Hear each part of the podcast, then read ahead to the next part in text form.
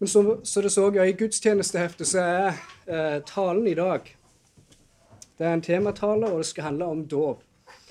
Der eh, tittelen er lagt fram som et spørsmål. Hva er dåp?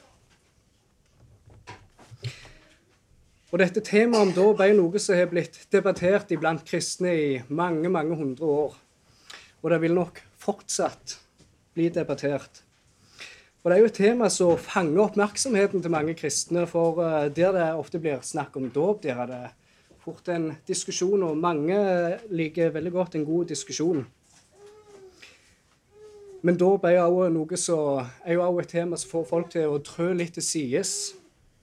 Og helst å prøve å unngå temaet og vil ikke røre det med en pinne engang. For at eh, nettopp pga. en diskusjon om dåp og gjerne når en snakker om, eh, eller stiller spørsmål skal unger bli døpt, så har det ofte begynt som en litt broderlig diskusjon, men så har folk blitt ivrige, og det har blitt en ganske hard eh, diskusjon. Og, og, det kan til og med føre til at uh, folk er skilt lag pga. dette spørsmålet, pga. uenighet om det.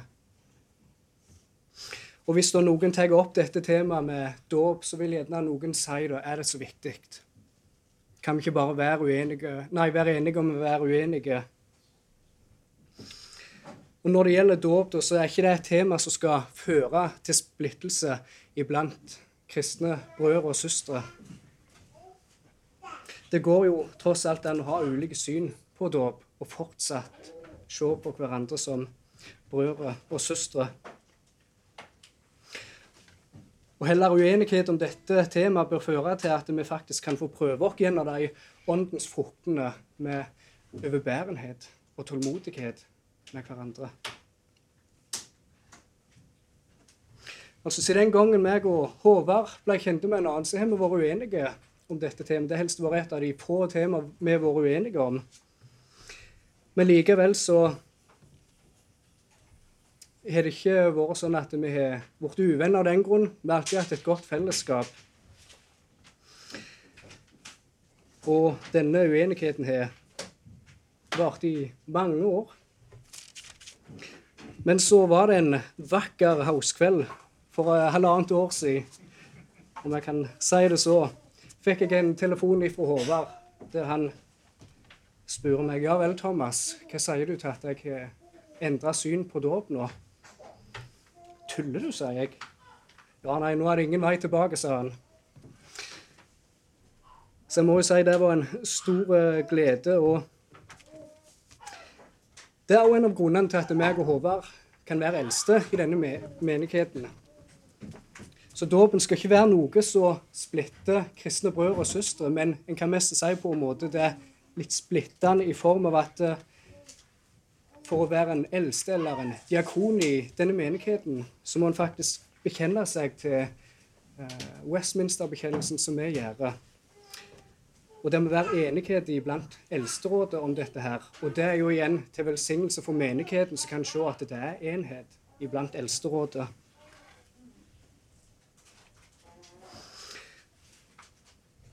Selv om at uh, dåpen er et tema som ikke bør gjøre at uh, kristne brødre og søstre skal skille lag og bli uvenner, så er det likevel et viktig tema. For dåp er tross alt noe som Jesus har befalt dere å gjøre og praktisere.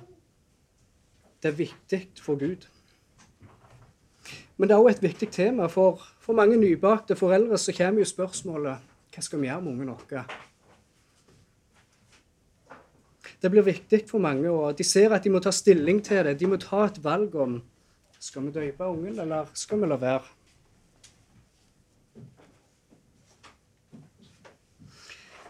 Og Når det òg kommer til diskusjon om dåp, så er det ikke bare det at en er uenig om hvem som skal få være en mottaker av dåpen. Skal unger få lov, eller skal de ikke? Men en er faktisk uenig om hva dåpen i seg sjøl er. Så hva en mener om dåpen i seg sjøl, så får det konsekvens for hvem en mener skal få lov å ta del i dåpen.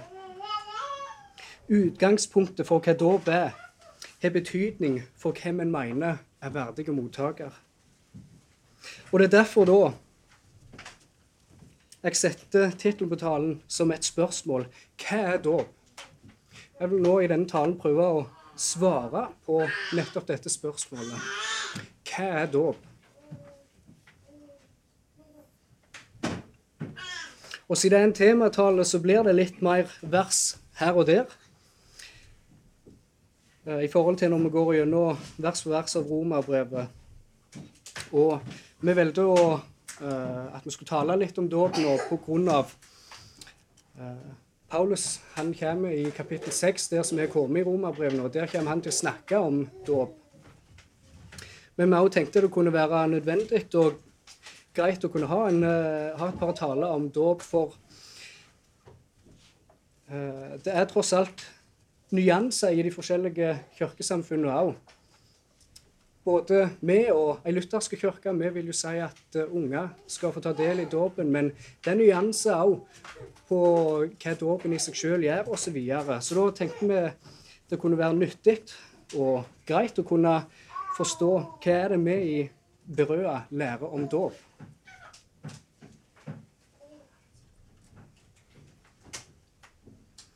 Og For å komme med en kort definisjon på hva dåp er.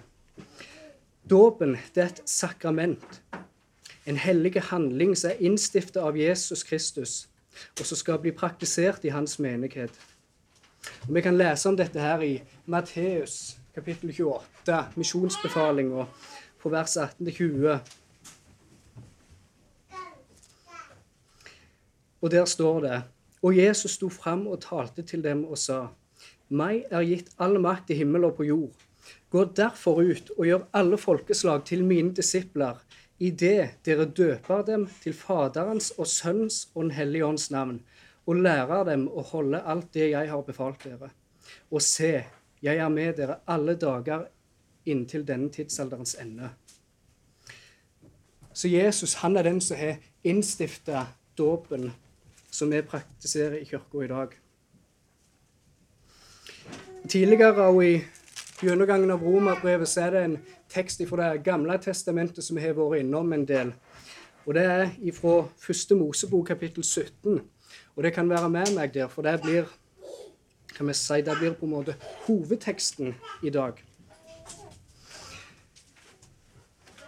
Og Første Mosebok 17 det er der når Gud oppretter en pakt med Abraham, og han gir han omskjærelsen som et tegn på denne. Første Mosebok, kapittel 17. Og Vi kan lese ifra vers 7 av. Jeg skal opprette min pakt mellom meg og deg og din ett etter deg i alle de slektsledd som kommer. Den skal være en evig pakt, og jeg skal være Gud for deg og din ett etter deg. Jeg skal gi deg og din ett etter deg det landet hvor du bor som fremmed, hele Kanans, Kanans land, til evig eiendom. Jeg skal være Gud for dem. Gud sa til Abraham, og du, du skal holde min pakt, du og din ett i alle de slektsledd som skal komme. Dette er min pakt som dere skal holde, pakten mellom meg og dere og din ett etter deg. Alt av hannkjønn av dere skal omskjæres. Dere skal, om, dere skal omskjæres på kjødet av forhuden deres, og det skal være et tegn på pakten mellom meg og dere. Når en sønn hos dere er åtte dager gammel, skal han omskjæres. Hvert guttebarn i hvert slektsledd, enten han er født i deres hus eller kjøpt med penger fra en fremmed som ikke er av din ett, både han som er født i ditt hus, og han som er kjøpt for dine penger, må omskjæres. Min pakt skal være på deres kjød som en evig pakt. Men et uomskåret guttebarn, en som ikke er omskåret på kjød av sin forhud, den personen skal utryddes fra sitt folk. Han har brutt min pakt.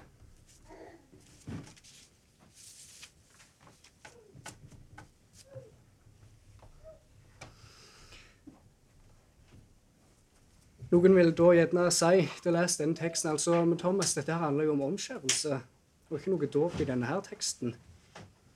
Og dette her var jo snakk om til Abrahams barn. altså Vi er jo kristne. Hvorfor går du da til denne teksten? I bekjennelsen vår og i katekismen så når en snakker om dåp, snakker en om det som et paktstegn. Så forstå, For å forstå hvorfor jeg ville vi skulle gå til første Mosebok 17 for å se på omskjærelsen, så er det òg viktig at vi forstår hva en pakt er for noe. For Gud han er en Gud som jobber med sitt folk gjennom pakter. Og blant de mest kjente så har vi den pakten som Gud oppretta med Adam, som en kaller for gjerningspakten. Og Det kan jeg lese fra første Mosebok, kapittel 2, vers 16 og 17, når Gud sier til Adam at av hvert tre i hagen kan du ete av frukta. Men av treet til kunnskap om godt og vondt skal du ikke ete, for den dagen du eter av det, skal du dø. Her oppretta Gud en pakt med Adam og sette betingelser for hva Adam skulle gjøre for å oppfylle pakten, så at han kunne få evig liv. Leve evig. Og det var en pakt som krevde perfekte lydighet og trofasthet fra Adams side. Men en har òg en annen pakt som kalles for nådespakten. Og Vi kan bl.a. se om denne herrende pakten i første Mosebok, kapittel 3, i vers 16, når Gud sier at eh, han, altså Messias, skal knuse slangen sitt hode. Gjerningspakten, den brøt Adam. Og han åt av frukt av treet til kunnskap om godt og vondt. Og da så Gud det rett, som bekjennelsen sier, å opprette en ny pakt med en bedre mellommann. Og det er det denne nådespakten handler om. Der det er Jesus som er en bedre Adam, som vi fikk høre om sist gang, så er den som oppfyller betingelsene for denne pakten og med det gir evig liv til de som tror. Og når Gud oppretter pakter med mennesket, så tilbyr han velsignelse til de som holder pakten. Og han tilbyr forbannelse og straff til de som bryter den. Og paktene som Gud oppretter med mennesket, i seg sjøl og av egen karakter, så er de nådige pakter det er ingen av oss som fortjener noen av disse paktene. Denne pakten som vi kunne lese om i 1. Mosebok 17 med Abraham, han fortjente ikke den pakten. Det var en nådige pakt Gud oppretta med, med Abraham.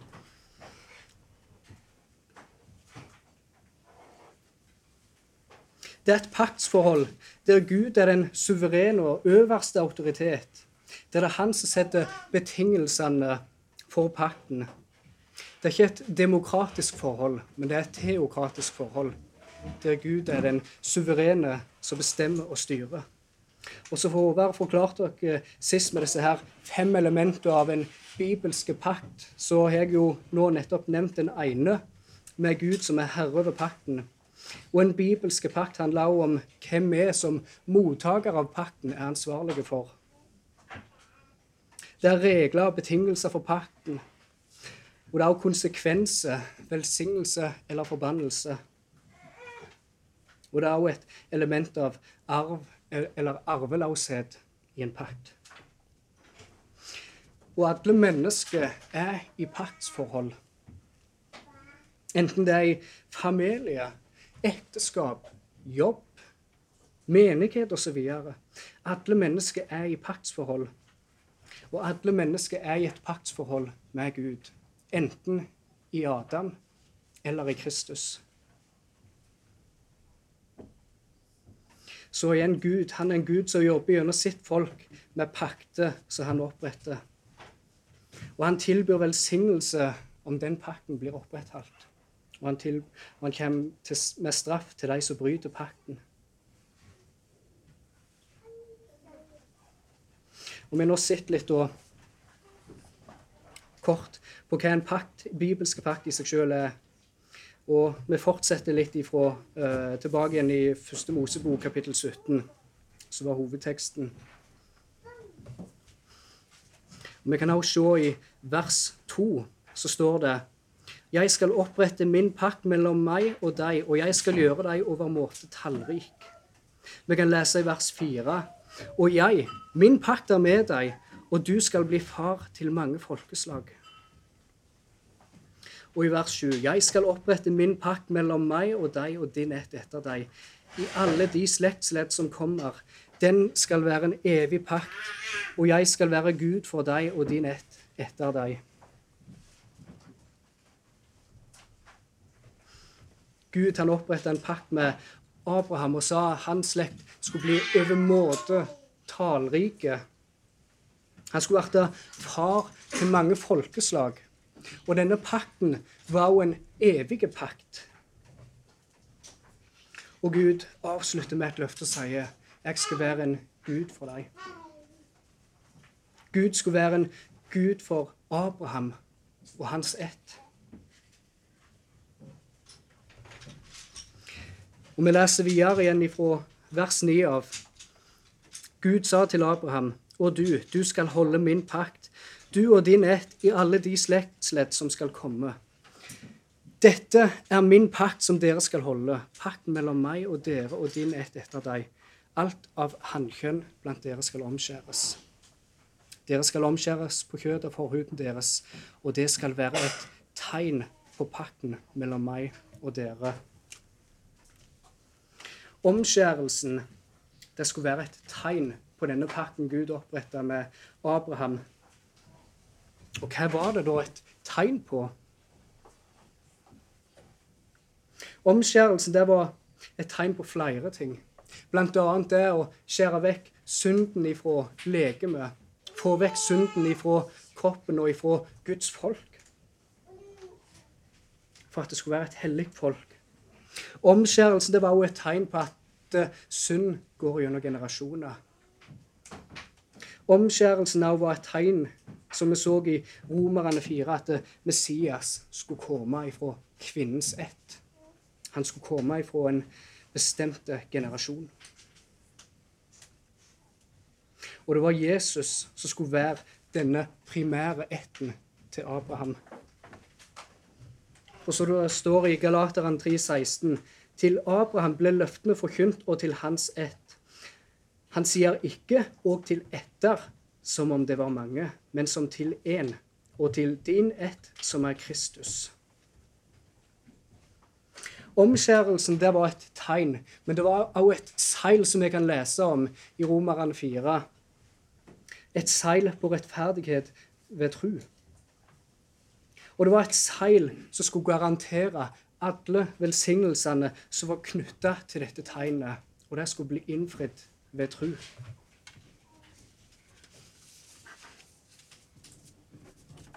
Vi kan jo først lese i Romerne 4. Abraham han fikk dette tegnet etter han ble erklært rettferdig. Og han var blant de som skulle omskjæres. Men vi kan også lese i 1. Mosebok 17, 23, så tok Abraham, Abraham, sin sønn Ismail, alle som var født i hans hus, og alle som var kjøpt for, for hans penger, og alle av hannkjønn i Abrahams hus, og omskar kjøttet på forhuden deres samme dag, slik Gud hadde sagt til ham. Og Vi kan lese seinere i 1. Mosebok 21,4. Så tar Abraham og omskjærer sønnen sin Isak, så Gud hadde befalt den å gjøre. Så det var ikke bare de voksne mannfolka, men det var òg guttebarna skulle få ta del i omskjærelsen. Og det skulle for dem være et tegn og et seil på rettferdighet ved tro, akkurat som det var for Abraham.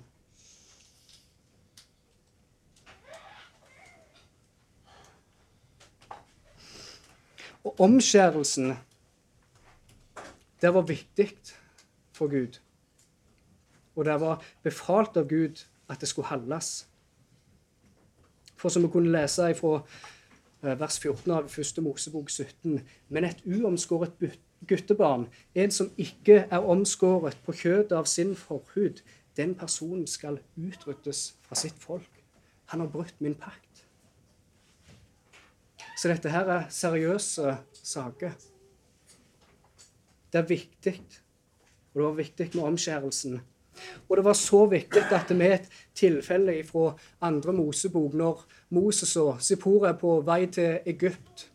Og det, og det, står noe veldig spesielt der at det, mens de var på veien bort der, så kom Gud og møtte Moses, og det står at han sto han til livet. Hvorfor da? Jo, for han hadde ikke omskåret sønnen sin. Gud sto Moses til livet for at han ikke hadde omskåret sønnen sin. Og da tok Sipora, kona, saken i egne hender og omskar sønnen deres. Så omskjærelsen var viktig for Gud. Det at paktstegnet skal bli gitt til folket som er i pakt med Gud, er noe som vi bør ta på alvor. Så vil noen gjerne spørre da, Thomas, skulle ikke denne talen handle om dåp? Du har jo ikke gjort noe annet enn å snakke om omskjærelse nå. Nei, det er sant. Men det er veldig konsekvent at jeg gått tilbake til omskjærelsen og snakker om den. For i denne menigheten så lærer vi at det er, det, det er kontinuitet mellom Gamle og Det nye testamentet. At Gud er en Gud som jobber litt i Gamle testamentet med sitt folk, og han, gjør, han jobber litt på samme måte i Det nye testamentet. Jeg tror ikke at uh, gamle, testament, gamle, testamentet var en slags plan A som feila, og Gud da kom med Nye testamentet som var plan B, som var vellykka. Men vi tror at det er, og vi lærer at det er kontinuitet i både paktstegn og i praksis, og hvordan Gud jobber med sitt folk.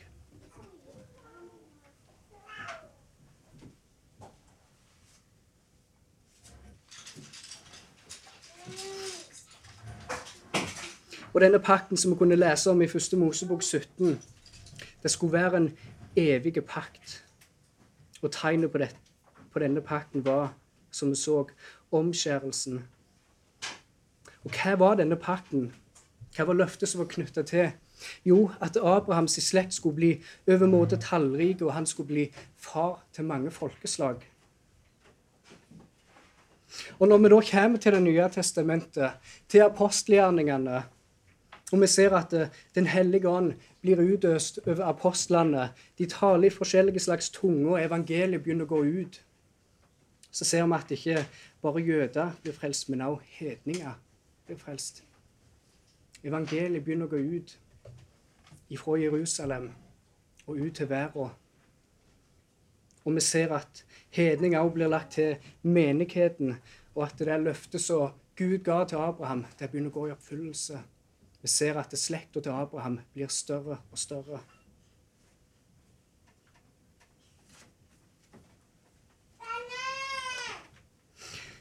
Og Vi har vært der tidligere i gjennomgangen av Roma-brevet. da. Um, så jeg vil også at det skal være med meg til Galaterbrevet, kapittel 3.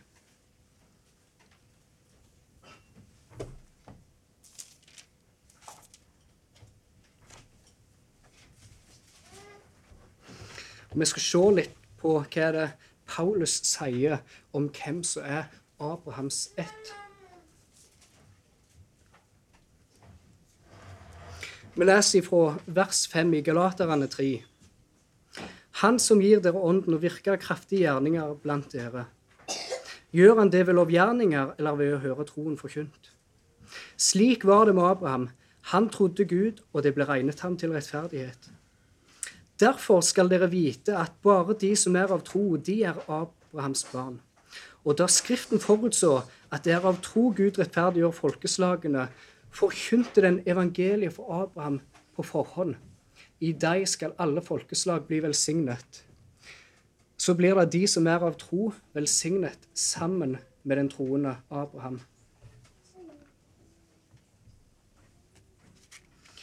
Bare de som er av tro, er Abrahams barn.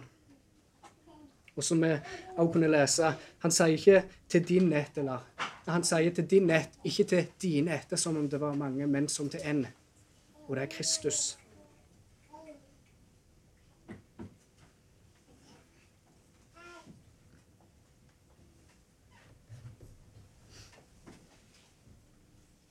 Pakten som Gud oppretta med Abraham. Som jeg sa, det var en evig pakt. Og paktstegnet som ble gitt, skulle bli praktisert til evig tid. Til generasjoner og generasjon. Så vil da spørsmålet komme opp. Men skal vi i dag da omskjære våre guttebarn? Og For å få et svar på det, så vil jeg at dere skal være med meg til Kolosserbrevet kapittel 2.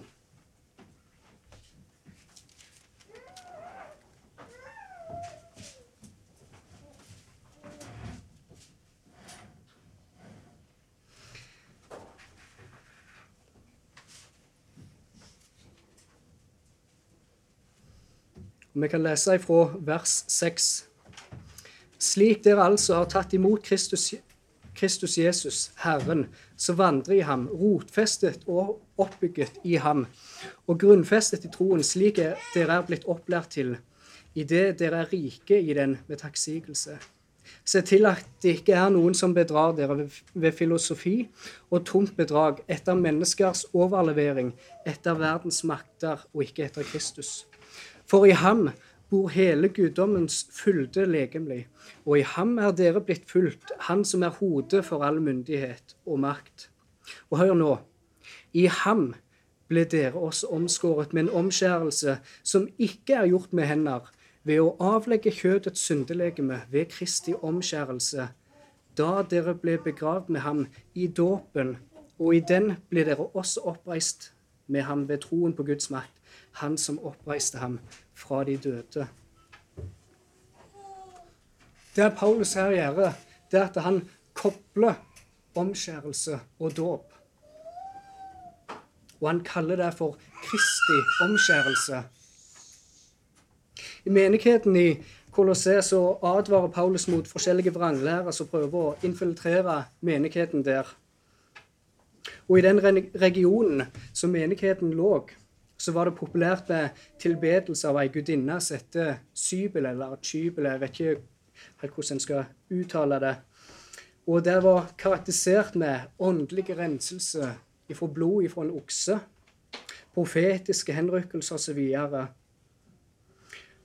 og det kan òg uh, se ut at judaister, sånn som i menigheten i Galatia ville legge til jødiske praksiser til den kristne trua, som vi kan få innblikk av i vers 16 i kapittel 2. Litt ulikt her i forhold til Galaterbrevet, så tar ikke Paulus går til angrep på omskjærelsen. Men i lys av jødisk innflytelse på menigheten og med å holde ulike religiøse ordninger, så trekker Paulus fram en av de viktigste for jødene, som var omskjærelsen, og sier at eh, dåpen, dåpen er Kristi omskjærelse. Og hedningene som har blitt døypt, de har denne omskjærelsen. De har Kristi omskjærelse.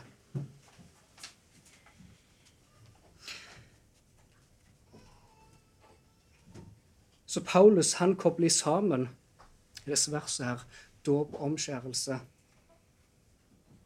Dåpen det er nå det paktstegnet som Gud har gitt til oss, som vi skal praktisere, og som vi skal gi til de som tror, og til deres barn.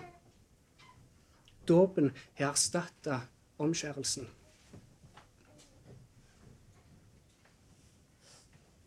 Og dåp og omskjærelse de er jo ikke identiske til hverandre. For i omskjærelsen så skulle jo kjøttet på forhuden skjæres av. Og det var jo bare de av hannkjønn som skulle omskjæres. Og i dåpen så er ikke elementet kniv og blod, men elementet er vann. Så de er ikke helt identiske men begge tegnene er av samme essens. De er begge et tegn, og de er et seil. Og også en av de største en av de større ulikhetene på dåp og omskjærelse er jo at, som vi ser i apostelgjerningene, at damer òg får dette tegnet.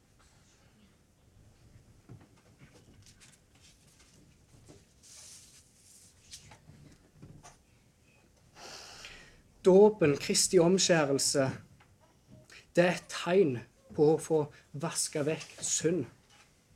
Det er et tegn på å bli født på ny av Den hellige ånd, som vi kan lese om i apostelgjerningene 2.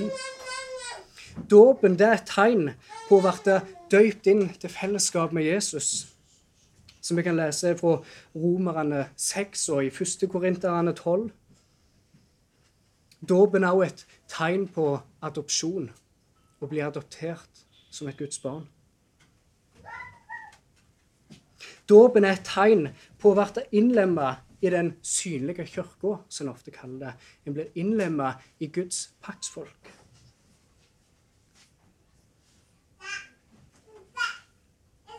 Dåpen, som en kan lese og så du hører, er et tegn på mange ting.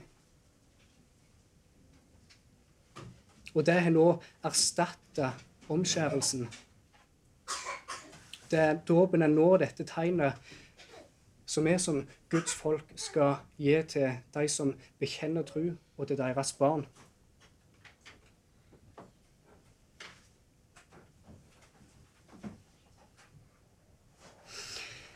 Og når vi da ser og forstår mer at dåpen har erstatta omskjærelsen, så gir det òg veldig mening å forstå når Paulus i Romerne 4,11 snakker om omskjærelsen som et seil, så er dåpen et seil. Det er et seil på rettferdighet ved tro. Omskjærelsen i seg sjøl den frelste ikke med nødvendighet. Om en hadde tegnet, så kunne han likevel være en paktsbryter. Han kunne likevel ikke være frelst. Og det samme gjelder for dåpen. Det er ikke som at er en døypt, så er en garantert frelst eller automatisk frelst. En kan ha dette dåpstegnet, men det er ikke nødvendigvis sagt at en lever opp til hva dette dåpstegnet symboliserer og er et bilde på. En kan bryte pakt, og en kan bryte dette tegnet men alt det som dåpen er et tegn på og symboliserer med renselse fra synd, gjenfødelse med en hellig ånd Alt dette det blir innfridd med tru.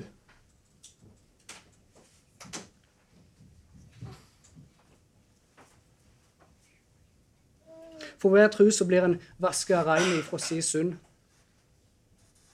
Og med tru så kommer en inn i et rett forhold til Gud og en blir adoptert av Gud og blir et Guds barn, og en blir òg Abrahams barn og arving til løftene.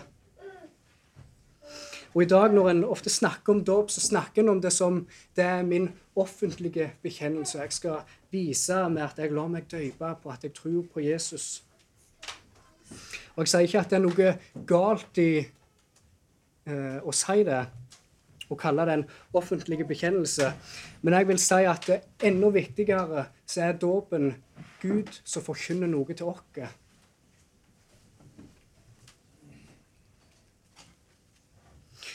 For i dåpen så forkynner Gud til den som blir døpt, at du skal høre til meg. Du skal ikke høre til noen av de andre gudene, hvem enn de er, akkurat som omskjærelsen. Du skal høre til meg.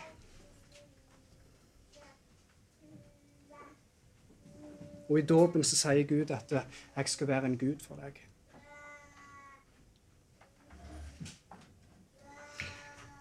I dåpen så gjør Gud krav på det mennesket som blir døypt.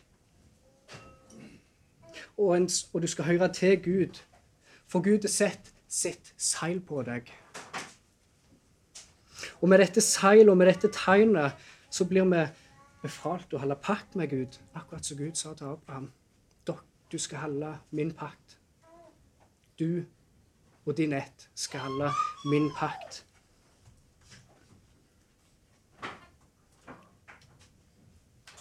Og når vi forstår dåpen som et paktstegn, så ligger det òg noe veldig alvorlig i det.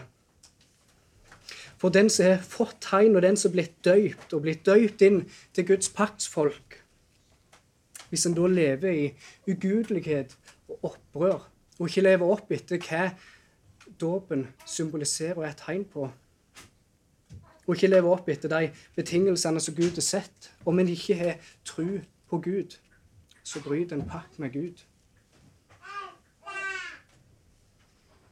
Og Gud, han er en trofaste Gud. Han vil vise seg å være trofaste mot de som holder hans pakt. Han vil vise seg å være trofaste mot de som bryter hans pakt.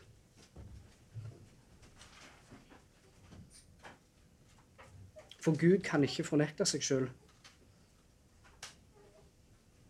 Vær med meg òg til Hebreerbrevet kapittel 10.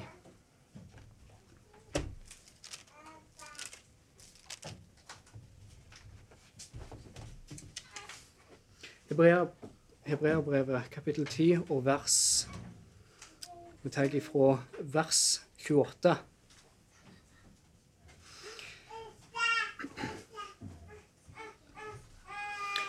Enhver som har brutt Moseloven, skal dø uten barmhjertighet på to eller tre vitners utsagn. Hvor mye hardere straff tror dere ikke den som blir funnet verdig til, som har trampet Guds sønns blod under fot, vanhelliget paktsblodet som han ble helliget ved, og spottet nådens ånd? For vi kjenner Han som sa, Hevnen er min, jeg vil gjengjelde, sier Herren. Og dessuten, Herren skal dømme sitt folk. Det er forferdelig å falle i hendene på den levende Gud.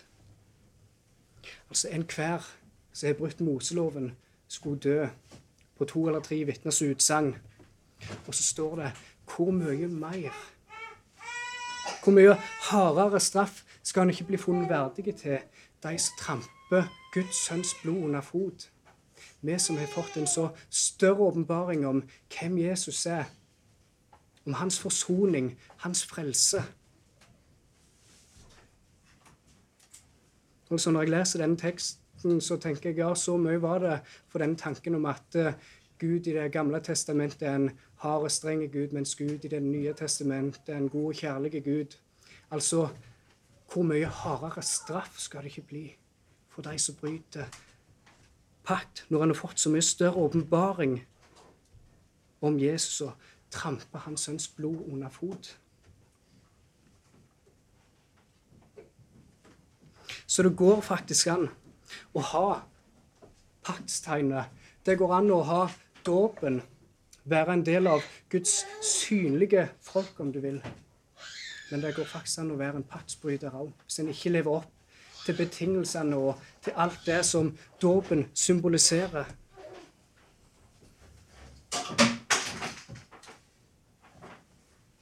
Men vi vet òg at eh, Gud han vil vise seg trufaste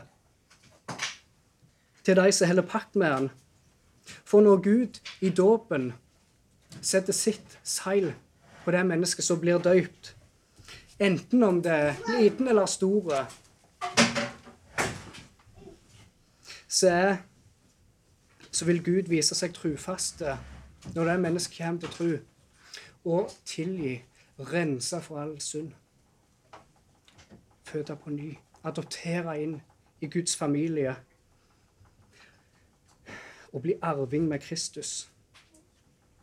Gud vil holde seg trufaste til sine løfter til deg. Og du som har Guds tegn, Guds paktstegn, og det blir realisert med tro, så vil Gud være trufaste og komme med velsignelse. Og med alle rike velsignelser i Kristus Jesus.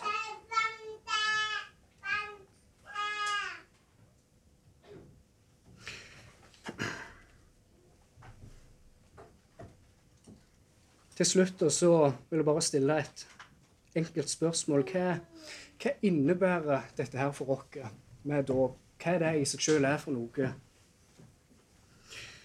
For vi av oss som er døypt, vi har Guds seil på vårt liv. Vi som er hans paktsfolk. Og dåpen, det er vår ed til Gud. Enten om en er liten eller stor Det er vår ed på at vi skal elske Gud, og at vi vil følge ham og holde Hans bud. Og at vi vil tro på Gud, Han som rettferdiggjør den ugudelige. For å bære dette tegnet uten å leve opp til forventningene som er knytta til det, så forråder vi faktisk Gud. Men når vi er trufaste til Gud og tror på Gud, så vil Gud på grunn av sin pakt, så vil han velsigne oss. Og Gud vil være en Gud til oss, våre barn.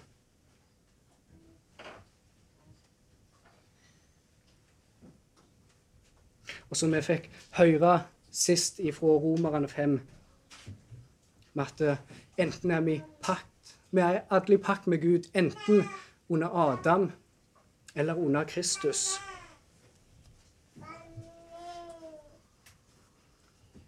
Ja, la oss nå være under pakt med Kristus.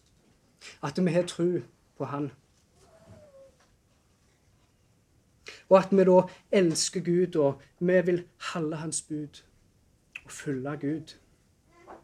At vi ønsker å leve opp til alt det som vi har sett dåpen symboliserer og er tegn og bilde på. La oss nå leve opp til dette her og være blant de som kan si at vi holder pakt med Gud.